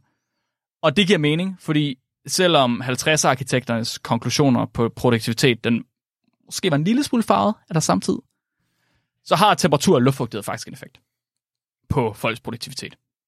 Så i dag, der kan folk mere end bare overleve i selv de varmeste steder på kloden. 90% af amerikanske hjem, de har airconditioning installeret. 90. 90%. Hvor mange hjemløse var der i New York? Åh, oh, mange. Det er sådan et sindssygt land. ja, det er virkelig sindssygt land. Altså for mig, der er aircondition sådan en luksusting. Ja, det er det ikke for hoved. rigtig mange i andre lande. Nej. Jeg tror, det er det i Danmark, fordi i Danmark er det sjældent nødvendigt at køle på den måde. Det er det fandme lige her lige nu. Ja. Ej, Men i de-. I de fleste andre lande, der er det faktisk en nødvendighed at køle. Du kan simpelthen ikke leve i andre lande, hvis ikke du har køling på den måde. Ellers så dør du simpelthen af roast beef underskud. Ja, eller så, ja, I guess. Er det derfor mormoner, de har flere koner? Det er fordi, ellers havde de ikke nok kvindetimer til at kompensere for deres mangel på aircondition. Ja. Må man ikke have aircondition? Det tror jeg ikke. Nå, jeg troede kun, det var... Øh... Ellers ville det ikke give mening, at de, jamen, de har sikkert også flere kvindetimer, det tror jeg. Ja, det, tænker, det tænker du ret i. Vi bruger aircondition ikke bare til at køle os selv, men til at regulere temperatur og fugt i kæmpe store kølekammer, hvor vi opbevarer livsnødvendig medicin. Så det er ikke bare til at have det rigtig rart, det er også noget, man bruger, når det er, man skal opbevare insulin ved Novo Nordisk for eksempel. De store kølerum, de bliver, de bliver kølet ned ved airconditioning, ved varmepumper. Mark, Ja, er et køleskab, ja. er det bare et almindeligt skab med en lille bitte, bitte aircondition-anlæg på? Oh god, Flemming. Ja, det troede jeg faktisk godt, du vidste. Et køleskab er en varmepumpe. Det fucker lige med min hjerne. Et køleskab, køleskab er et aircondition-anlæg inde i en kasse. Det er bare et almindeligt skab. Der er en kompressor og en kondenser og en fordamper og en lille ventil, der sørger for, at gassen den kommer ind på det rigtige tidspunkt. Det er jo, f- det er jo falsk reklame, Mark. Ja, Det er bare et almindeligt skab med et aircondition-anlæg på. men det var det, jeg sagde. John Gorys fryser. Det var en fryser. Det var en rigtig fryser. Men Mark, er en, er en ovn. er det bare et almindeligt skab med en varmepumpe på, Mark? Nej, der er ingen varmepumpe på en ovn. Nå, Det er et varme læme, så der varmer du noget metal op til, altså ved at sætte strøm til det, i stedet for. godt så. Så ovne kan man godt stole på, men køleskabe yes. er nogle fucking snitches. Det er sgu da derfor, at der skal være ventilation ved dit køleskab. Det er fordi, at ellers kan du ikke lukke den varme luft ud, som kommer om fra bag på den. Mark, Ja, er frysere, er det kister med aircondition-anlæg på? ja. Det kan jeg ikke lide. det kan Jeg jeg, elsker faktisk virkelig ikke lide. Jeg elsker, at du lærer så meget nyt i dag, Flemming. Det kan jeg godt lide. det er meget dejligt. Så vi har et pænt stort men. Fordi airconditioning er langt fra klimavenligt. Er det derfor, at der oftere er roast beef inde i køleskabe end almindelige skabe? Ja, Fordi de bliver ikke fordi det ikke er klimavenligt, men det er fordi, det er koldt. Det er fordi, ja, det bliver udsat for aircondition, ligesom de der ja. hus. Okay. Ja. Mm. Ja, det, det, ja, det, det, det, det er der koalitionen er. Det er bare roast beef for airconditioning. Ja, Det føles ad. ja men det var, Det er det rigtig der en korrelation jo. Det er der, du har ret. Ja. Okay, okay, okay. Så, så øh, airconditioning er langt fra klimavenligt. Traditionelt airconditioning, det virker gennem varmepumper, men for at få kølemiddel, der har nemt ved at skifte faser fra flydende til gas og tilbage igen. Det var det, vi snakkede om lige før. Så jeg forklarede airconditioning som et lukket system, hvor varme fra luft det driver faseskift af kølemiddel, og så kølemiddel drejer ligesom rundt i den her cyklus. Ikke? Og de lyder lidt som om, at det kan klare sig selv, bare med opvarmning og afkøling fra luft, men det kan det ikke helt. Fordi en af de vigtigste øh, ting, der sker i den her proces, det er, at kompressoren presser luften sammen. Fordi hvis nu du for eksempel skal, hvis du skal køle øh, luft af i Singapore, så skal du køle det af med luften, der er uden for en bygning. Og luften i, uden for en bygning i Singapore, den er fandme varm. Det vil sige, at din kompressor skal altså kunne hæve temperaturen på det kølemiddel, du har, til højere end luften, der er uden for bygningen. Så du skal sætte noget strøm til den her kompressor, for den skal trykke hårdt. Der skal pumpes meget med den cykelpump. Huh. Og det betyder, at kompressoren i systemet, den skal bruge virkelig meget energi. Så ved nogle hedebølger i USA, der har airconditioning stået for op til 70% af hele byers strømforbrug. Det er ikke så smart. Nogle hedebølger har, har krævet så meget airconditioning, at det har været ved at lægge hele strømnettet ned, Fordi amerikanere ikke kan lide at svede. fordi det har været varmt. Jeg tænker faktisk, det har været så varmt, det ikke bare har handlet om at svede. Mark. Ja. Hvis nu USA så kollektivt i klimaets navn gik sammen Mm. og besluttede sig for at fjerne aircondition, Mhm. vil det så betyde, at kvinder ikke længere vil kunne være på arbejdsmarkedet? Fordi antallet af kvindetimer bare fuldstændig vil inflatere. Jeg nægter at svare på det spørgsmål. Er det derfor, at der er en korrelation mellem, hvornår kvinder kommer på arbejdsmarkedet, og hvornår aircondition blev opfundet, Mark? Nej. Er du sikker, Mark? Ja. Er det faktisk i virkeligheden dybt, dybt sexistisk at gå ind for kl- klima? Jeg har ikke engang, jeg har ikke engang lyst til at tage den her joke op med dig. Jeg synes, det, jeg, jeg, nej, slet ikke. Jeg, Mark, Jeg jeg, joker ikke. Jeg tænker bare Jeg vil ikke, Flemming. over Jeg det, vil du ikke. lige har fortalt mig. Vi fortsætter. Aircondition er langt fra klimavenligt. Det har et højt, højt strømforbrug, men for uden strømforbruget, så er kølemidlet også et problem i sig selv. Så kølemidlet i, i varmepumperne i aircondition, det startede med at være klorineret og fluorineret kulbrinter, CFC hedder det. Den mest kendte af dem, kender de fleste nok, den hedder Freon. Hedder Freon. Og Frean har været stort set ene om at generere hullerne i ozonlaget, Mm. som mange af os har hørt om som børn. CFC'er de er blevet stramt reguleret efter, at 198 stater, og stater som i lande, gik sammen i 1989 for at sige nej tak til huller i ozonlaget. Det Ja, det den var jo på under- grund af Lovelock. Ja, det var nemlig på grund af Lovelock, det er rigtigt. Det var ham, der opdagede øh, CFC og des, des problematik, ja. Det er rigtigt, Flemming. Shout out til at putte øh, marsvin i mikroovnen. Ja. der kommer noget godt ud af den gang med. Ja. Ja, det er rigtigt, det var Lovelock. Det her, det var den største øh, underskrevne, jeg ved ikke engang, hvad man kalder det, øh, aftale nogensinde i hele verdens historie. 198 lande er gået Shit. sammen og blevet enige om, det her er noget lort, vi dør. Lad os lade være med det her. Og det var i 1989. Det er sindssygt. Før man, over, altså før man overhovedet var, var seriøse om klimaforandringer, blev, blev folk så enige om, at CFC er noget lort, at de sagde, nej tak, ikke mere. Nå. Så øh, efter det, så afløste man CFC med HFC, hvor man fjernede kloren. Og HFC'er, de ødelægger ikke ozonlaget på samme måde, som CFC'er gør. De er bare mellem 150 og 12.500 gange mere potente som drivhusgasser end CO2 er. Nice. Hverken CFC'er eller HFC'er ville være et problem, hvis vi kunne holde dem fastlåst i beholder. Kunne vi have dem i blykammer, så de ikke kunne fordampe ud i atmosfæren? Det ville være fint. Men fordi vi mennesker er lidt nogle grisebasser, så sker det, at vi ikke får skillet os ordentligt af med en genstand, og så har man lige pludselig et kølemiddel med et kogepunkt på måske minus 80 grader ved atmosfærisk tryk. Det har jeg set en dokumentar om på YouTube. Det kunne jeg forestille mig, du har. Med gamle køleskaber og frysere. Lige præcis, Flemming. Fordi de er varmepumper. Ja, de kunne ikke finde ud af at genbruge det der gas der. Nej, lige præcis. Og så siger det ud, og så bliver det til en drivhusgas i stedet for. Lige Nice. præcis. Ja. Så derfor så står vi med lidt af en ond cirkel, en ond airconditioning cirkel, fordi verden er for varm til at leve i, så vi er nødt til at køle os selv kunstigt, men vores nuværende metoder til afkøling, de kræver meget energi, og kan potentielt udleve de her potente drivhusgasser. Det gør verden endnu varmere, så vi skal køle os selv endnu mere, og jada, jada, jada, det fortsætter ikke. Så vi har brug for alternativer til airconditioning, som vi kender det i dag. Det er sygt nok, at aircondition egentlig er et produkt, der skaber sit eget marked. Ja, ja, ja, det er nemlig sygt nok.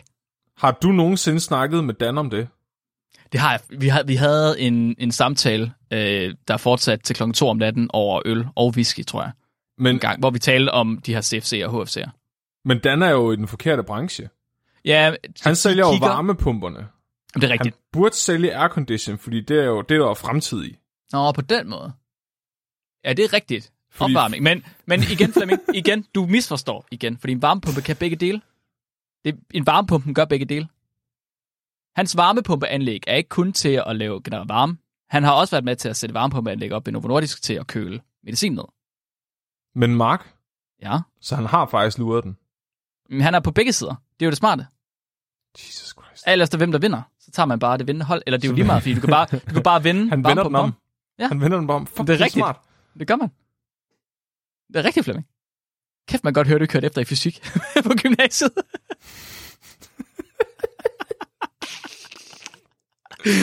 okay. øh, så vi har brug for alternativer. Og heldigvis så er man allerede i fuld gang med at forsøge at finde dem. Ja. Så øh, Hisham Jora, jeg slagter nok hans navn, han arbejder ved Aalborg Universitet i Danmark. Og han forsker for eksempel i faste kølemidler, i stedet for de her flydende kølemidler. Så faste kølemidler, der øh, simpelthen fungerer, altså de kan også ændre deres temperatur, ved at du ændrer på en af deres parametre. Det er for eksempel, øh, du kan forestille dig en elastik. Hvis du har en elastik, og du sætter den ved læben, og du trækker i den virkelig hurtigt, og strammer den ud, ikke? Så bliver den varm. Og hvis du så komprimerer den, sætter den sammen, ikke? og trækker den sammen igen, så bliver den kold. Burde det ikke være omvendt? Nej. Fordi varmen bliver fordelt ud over mere elastik. Jo, men det sker ikke. Og det sker ikke, fordi det, der får temperaturen til at stige ved elastikken, det er, at du ændrer på entropien i elastikken. Du sænker entropien. Og når man sænker entropien, så stiger varmeenergien. Da, da, da. Og når du så slipper den løs igen, så kommer der en masse uorden. Så elastik er jo lavet af de her polymer, som ligger blå og jumpet rundt, ikke? Når du slipper den igen, så kommer der en masse uorden. Du øger entropien, og derved så absorberer den. Nej, den frigiver varme energi. Den bliver koldere. Når du trækker i den. Nej, det er modsat, Flemming, når du sætter. Okay. den tilbage igen. Så det, du siger til mig lige nu, det er, at han arbejder på at lave en varmepumpe, der basically er designet af en fireårig. Sådan en maskine, der står og trækker en elastik. Dum, tsk, dum, tsk, dum, tsk. Det er sådan noget tykkegummikongen, boble, Ja. fanden. Altså, Det, I det er sådan noget Charlie og chokoladefabrikken uh, Minions uh, Engineering. så det kan både være øh, elastiske materialer, men det kan også være magnetiske materialer, hvis du ændrer på magnetfeltet. Ja, Det kan også være... Øhm, jeg vil gerne have aircondition, hvis der kan være magneter i. Det kan også være ting med strøm, men det kan også være ting, som du kan ændre trykket omkring det på. Det vigtigste ved den her opfindelse, eller de her nye typer, det er, at de er faste. Så selv hvis der går hul på øh, maskinen på varmepumpen, så fordamper kølemidlet ikke, fordi den er fast ved almindelig temperatur. På en eller anden måde vil jeg virkelig være okay i en verden, der er forurenet med magneter overalt. Det, det lyder faktisk Flemming. virkelig fedt. Det ved jeg, du vil. Man kan bare ikke gå nogen steder, uden at ens nøgler bare bliver revet ud af lommen på en, fordi nogen har kastet en gammel øh, aircondition-anlæg der.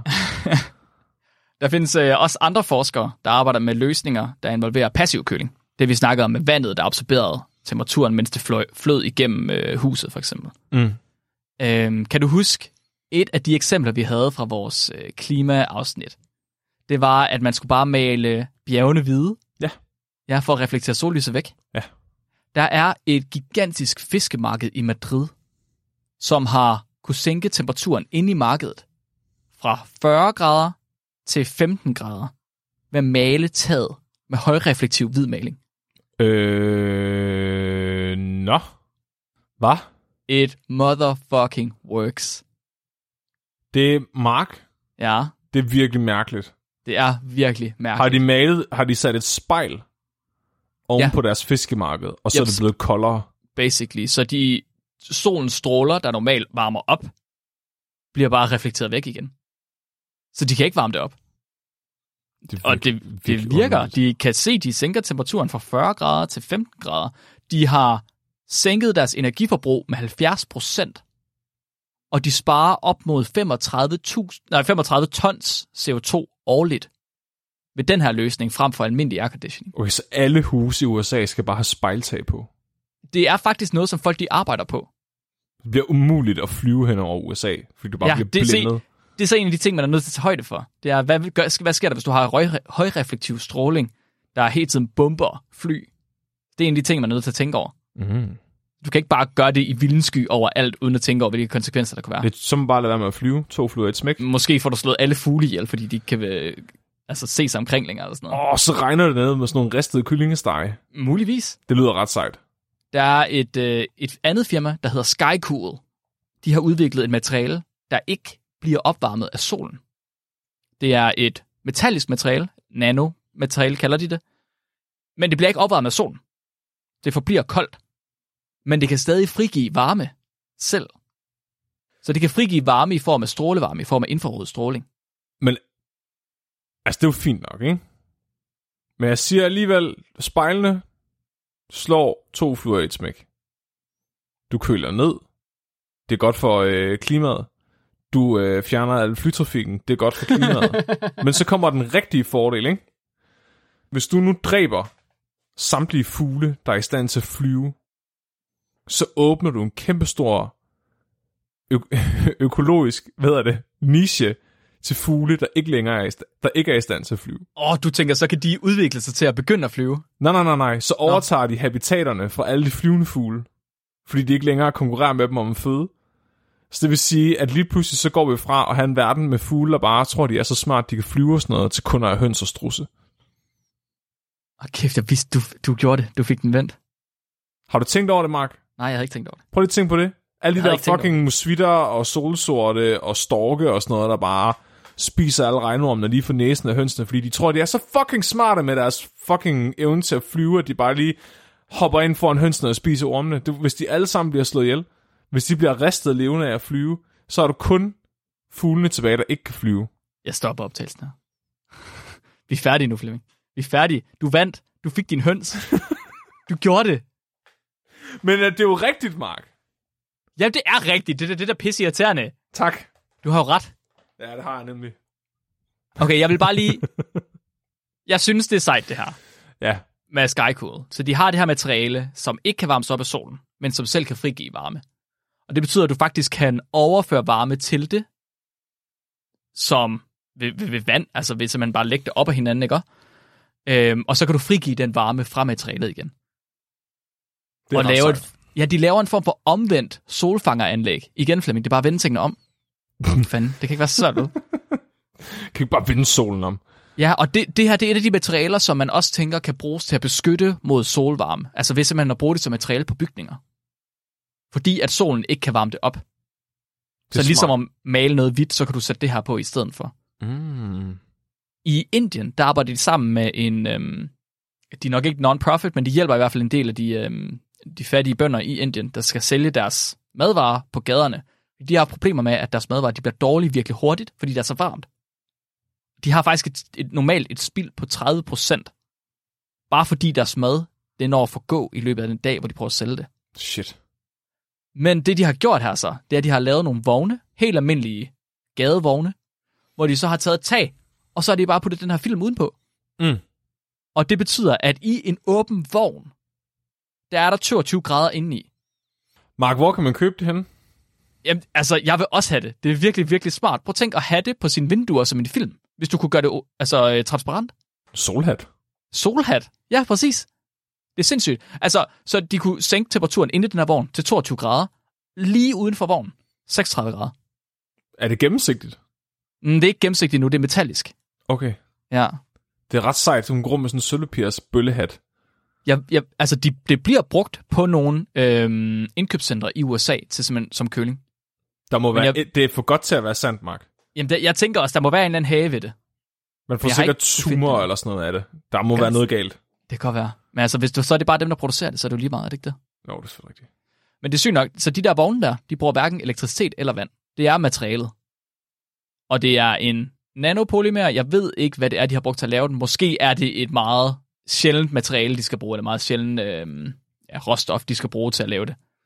Det er også det største problem ved de her faste kølemidler, som jeg snakker om lige før. Det er, at det oftest er meget sjældne metaller, som vi har svært ved at få fat i.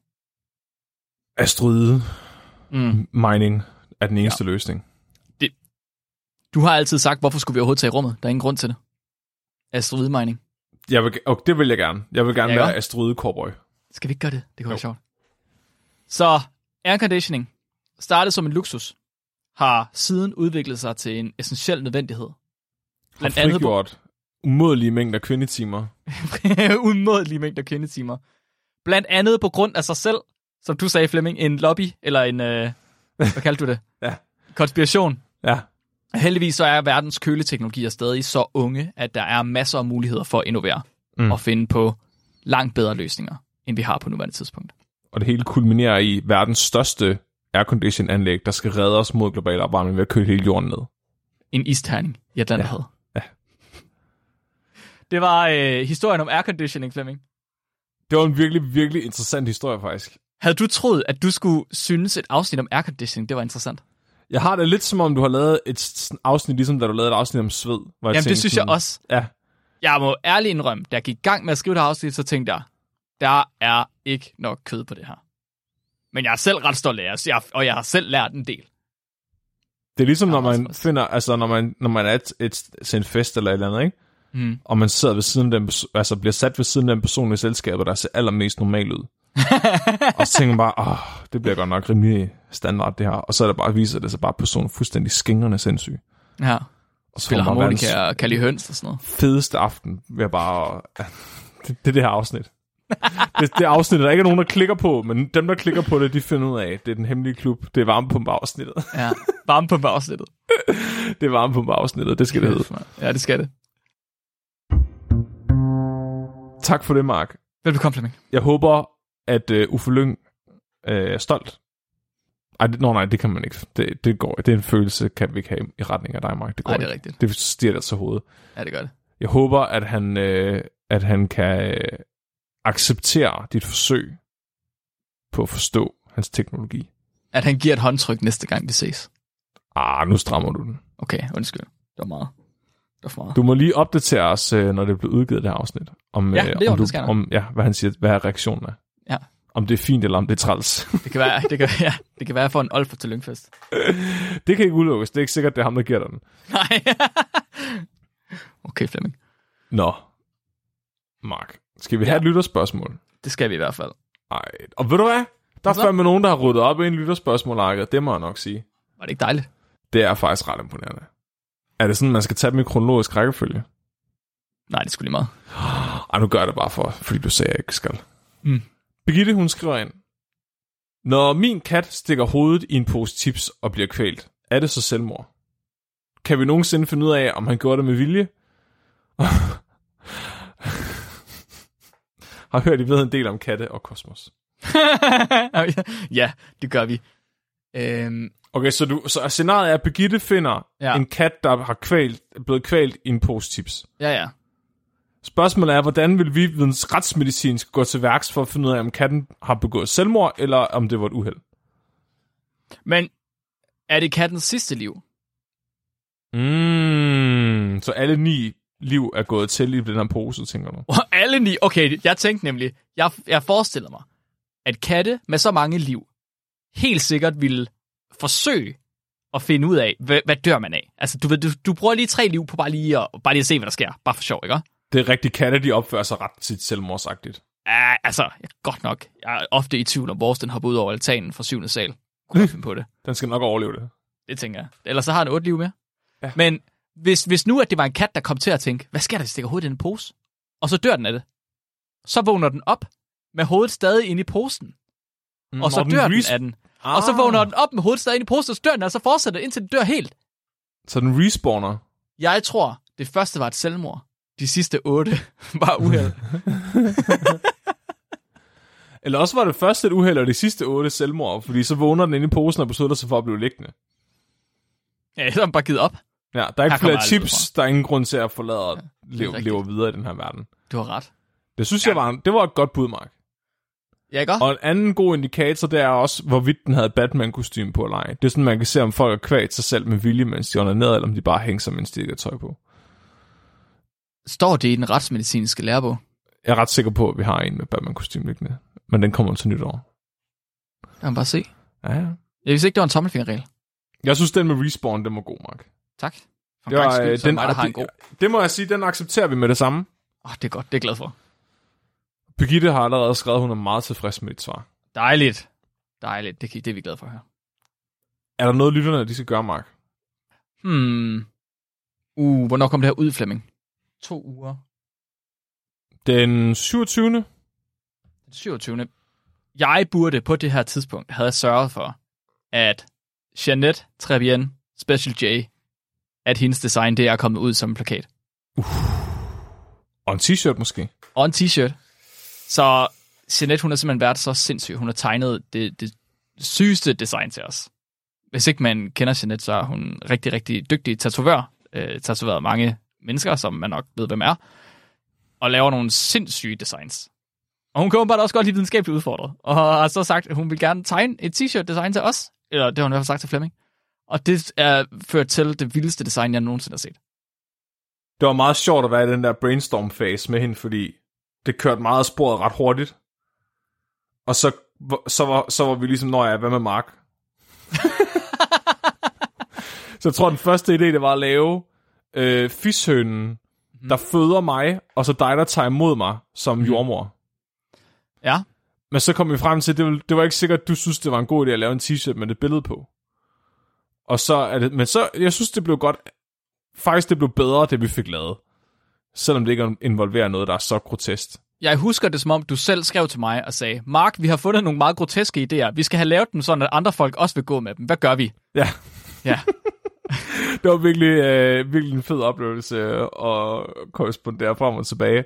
Og det er Ja. også sådan lidt vildt, fordi den t-shirt er blevet så flot nu, at den sådan, kvaliteten af vores merch er nu højere end kvaliteten af selve podcasten. altså jeg vil sige, vi har Santiago, og vi har den her t-shirt her. Ja. Og, altså, jeg kan slet ikke følge med til det. Det er virkelig... Det er ligesom om, vi kører rundt i sådan en virkelig gammel, ødelagt Volvo, hvor bunden er rustet ud, og der er ingen vinduer tilbage, men der er nogle fucking fede alufælge på den. Ja. Den der, der bliver ved med at dreje, efter bilen er stoppet, ikke? Ja, men det værste er, at alle fælderne er, er, det er ikke noget, vi har sat på. Det er det bedste det. Er virkelig det bedste ved det. Det er ikke noget, vi Ja. har sat på. Det er noget, der bliver doneret til os af en eller to øh, meget gavmilde mennesker. Ja. Vi sætter utrolig meget pris på alt, hvad folk de sender ind. Alt det hele. Det er sindssygt, at I har tid og lyst og gider. Det er så vanvittigt. Hvis der er andre mennesker derude med, med talenter, som har lyst til at bidrage med dem til podcasten på en eller anden måde, så må de skrive ind. Det, er- vi har også fået vores intro indspillet på harmonika. Det synes jeg også var meget... Ja, det er rigtigt. Ja. Det er faktisk vi er alle sammen det vildeste. Vores lyttere er bedre end os til lyd. Kan vide, om vi skulle lade være med at sige det. Jeg tror faktisk, vi har en form for... Øh, vi har lidt en con gående, hvor det er, at de tror, at vi kan ting. I virkeligheden, så kan vi ingenting. Vi spiller bare på dem. Det er ligesom, når folk de spørger os, hvor vi har vores emner fra. Men altså, er det ikke, er det ikke derfor, folk hører podcasten? Er det, Når fordi, du, bare... det er ligesom at se de unge møder. Ha, uddyb. Tænker, man- jamen, så ser man de unge møder, og så tænker man, Nå, på den måde. jeg har ja, sgu da egentlig meget godt styr på mit liv. Prøver folk at hjælpe de unge møder? Det virker som om folk de hjælper os meget. Er vi, sådan, er vi så mentalt udfordret, at folk de tænker, at de der, de skal have noget hjælp? Det går Vi, ikke. vi er sådan et socialt eksperiment. Ja, for det er rigtigt, de, de indsender jo også emnerne og artiklerne til os. Jamen præcis, det er det, jeg Vi mener. skal, ja, vi skal faktisk ikke rigtig gøre noget. Lytterspørgsmål og dyrefacts, Ja. altså. Ja. Designer vores merch, og ja. Er der nogen, der gider tage over vores social media content? Ja, Det er ret så dårligt skal til. vi nok bare snakke en gang imellem. Ja. Det var mega fedt. Og jeg har også lovet at, øh, at døbe en høne i øh, Special Jason navn, mm. Simpelthen øh, som taknemmelighedsgave over at have fået lavet det her design. Det filmer du selvfølgelig. Det lover jeg. Godt. Problemet er bare, at den høne er, blevet, er rugal lige nu, og øh, er simpelthen ved at blive mor. så at gå ud og tage den af æggene nu for at døbe den, vil måske være lidt overgreb, men øh, så må vi gøre det, når kyllingerne er kommet, så kan de blive traumatiseret også. Kan du... Må... man- Hvad med kyllingerne? Kan vi ikke døbe kyllingerne? Det ved jeg jo, det skal vi jo nok. Så Jeanette skal måske være mor. Okay, vild idé. Bare lige her helt spontant. Og jeg ved ikke, om det, om det er okay. Hvad hvis man lavede en giveaway, hvor man gav, hvor man gav et navn til en kylling? For Det- at opkalde en kylling efter dig. Det kan vi godt. Ja. Jeg ved, jeg, ved ikke, jeg ved ikke, hvad man skal gøre til gengæld. Nu håber jeg i hvert fald, at kyllingerne de overlever. Ja, det gør jeg også. Det er sidst i 18, da der var så meget tørke, og vi prøvede at lave kyllinger, der øh, tørrede æggene simpelthen ud. Åh oh, nej. Ja. Så, øh, men øh, nu må vi se, om Jeanette skal være mor eller ej. Shit. Men ja, vi kan godt, vi kan godt lave giveaway hvor folk kan få opkaldt en kylling efter sig. Ja.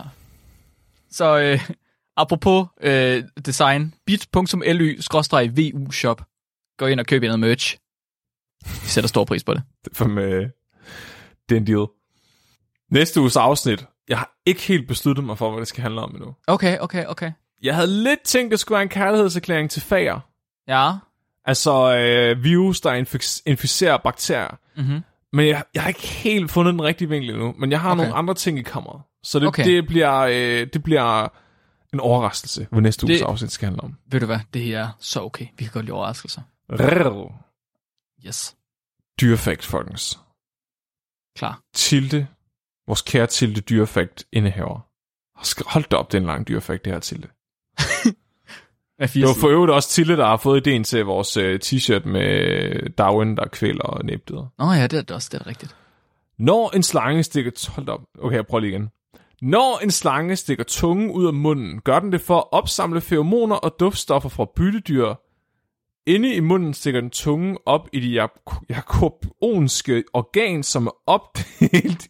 Hun har bare sendt os en helt CV, en hel lærebog fra biologi på 5. semester, som er opdelt i to kanaler, hvor den tvedelte tunge passer ind. Det jakobonske organ kan så detektere molekylerne på tungen.